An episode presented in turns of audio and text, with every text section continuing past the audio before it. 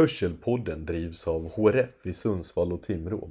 Den har som främsta uppgift att skapa diskussioner kring hörsel, lyfta HRFs arbete och se till att minska desinformationen. Vi har som ambition att göra denna podcast tillgänglig för så många som möjligt. Därför finns möjligheten att titta och lyssna samtidigt. Tack för att du lyssnar på Hörselpodden.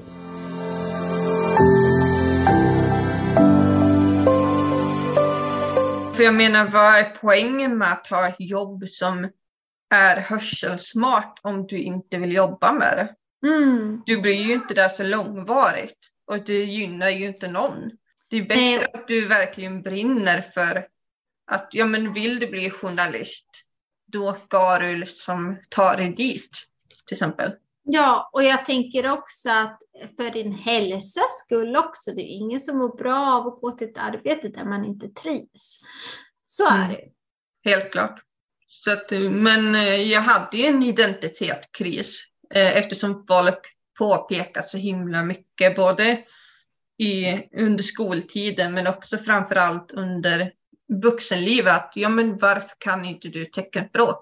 Du, ju, Mm. du hör ju dåligt. Då var det ju så att mina föräldrar fick lära sig teckenspråk Mm. på, eh, men jag fick gå på förskolan eller skolan och jag fick ju aldrig lära mig utan det var ju mina föräldrar som fick lära sig teckenspråk och sen så skulle de lära mig. Mm. För att många sa att ja men hennes syskon kan ju lära henne teckenspråk. Men jag är ensam barn, jag har ingen syskon. Ja, då är det svårt. Men jag tänker, hur är det med, hur känner du att det passar in då? Jag tänker, vi har hörselskadade, vi har döva, vi har hörande, det är liksom olika kulturer. Alltså hur känner du? Jag tänker att sen jag börjar mitt universitetet, det är då jag vet liksom vart jag passar in. Och det var ju Mm. också då jag insåg att det spelar ingen roll vilken kultur jag tillhör. Och det är bara dumt att vi måste dela in folk i olika kulturer. För att folk säger att ja, men jag borde hör, tillhöra hörselskadade eftersom jag är gravt hörselskadad. Men när jag var på vad heter det, Västanviks folkhögskola för att lära mig teckenspråk som jag Mm. dessutom hoppade av efter en vecka för jag kände att det var inte rätt plats och jag fick inte svar på mina frågor. Men när jag var där så fanns det både döva och hörselskadade och hörande. Och då var ju min identitet i hörande. Jag tror att det är mer viktigt att man själv känner efter var man vill identifiera sig, i vilken kultur. Och jag då får väl säga som är hörande då, jag tycker för min del så jag tycker att vi alla tillhör samma. Det spelar väl ingen roll om Mm. du hör sämre och jag hör bättre. Att, eh, som för oss så det är väl gemensamma intressen och hur man är som person och, och så vidare. Mm. Det har inte med hörseln att göra. Kommunicera kan man göra på alla möjliga sätt.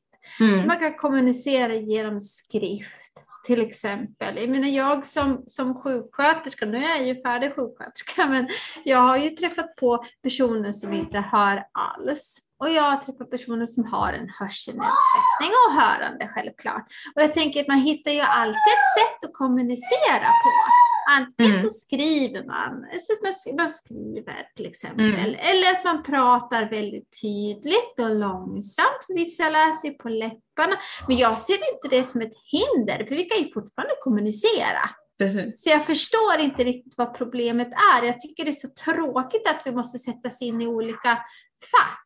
Men sen självklart kan det ju vara något som man väljer själv också. Och det Kanske tror jag är mer viktigt att trycka på. Att du måste välja själv. För Mm. även om jag som är gravt hörselskadade, jag, jag ser inte min identitet i bland hörselskadade eller döva. Jag kan absolut Nej. dela erfarenheter, men min Mm. identitet är bland hörande. Det är Mm. där jag växte upp och det är där jag har mina vänner och familj. Ja, och jag tänker också att eh, jag, jag tycker att vi, vi är alla hur ska, jag, hur ska jag förklara nu? Nu blir jag sådär djup igen. Men jag, jag, jag tänker ändå att, att en, en, en funktionsnedsättning hindrar ju inte dig från att kunna träffa människor ur och, och alla kulturer. Förstår du hur jag tänker nu? Varför, jag kan ju umgås med no, någon som, som, har, eh, som, in, som är blind jag menar, en, någon som är blind ska väl inte eh, behöva umgås bara med de som är blinda? Eller hur? Alltså vi är ju alla människor, men vi kommunicerar ju olika och har o... Oh, men vi kan, jag vet inte hur jag ska förklara, men jag, du kanske förstår mm. vad vi är ute efter. Jag, jag vill inte se att vi sätts in i fack. Jag gillar inte det riktigt. Och sen kan jag förstå att ibland så kanske det kan vara bra också i vissa fall. Jag vet inte, jag själv har ju inte någon, någon funktionsnedsättning, mer än att jag har glasögon då. Det är väl mm. min funktionsnedsättning, att jag har en sämre syn då. Men jag tror att om vi jämför hörsel och syn, då är det ja. om vi säger att ja, men någon ser dåligt, vad heter det, den får glasögon, då är den ja. en snygg nörd eller alltså det är någonting positivt. Medan ja. förlorar du din hörsel eller har någon hörselproblem, då är det negativt.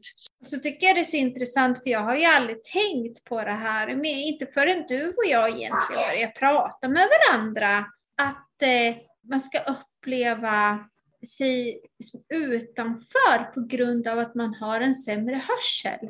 Jag vill se ett inkluderande samhälle där vi alla är ett Eftersom jag själv nu arbetar med personer som har grava funktionsnedsättningar fast på andra sätt. Och jag ser ju hur den gruppen är utsatt. Och det gör, det gör ont i hjärtat när man ser olika grupper av människor i samhället som har en funktionsnedsättning är så otroligt utsatta. Och jag känner också, då måste man verkligen kämpa med de här tankarna. Var passar jag in? Vem är jag? Och hur ska jag bli accepterad? Ja, för det, jag tror ju att det blir ännu tuffare om du har en diagnos eller någonting som gör dig mer unik. Så då blir det ju ännu längre sökande efter identitet. Känner du att du fortfarande söker din identitet? Eller känner du att du någonstans har landat i vem du är? Jag jobbar ju med vissa saker som jag har i bagaget om man säger så. Men jag kan tycka att det, i år har jag börjat känna att nu är jag mer nöjd med min tillvaro med mixen av studier, jobba åt HRF och eh, liksom eh, privatlivet och så.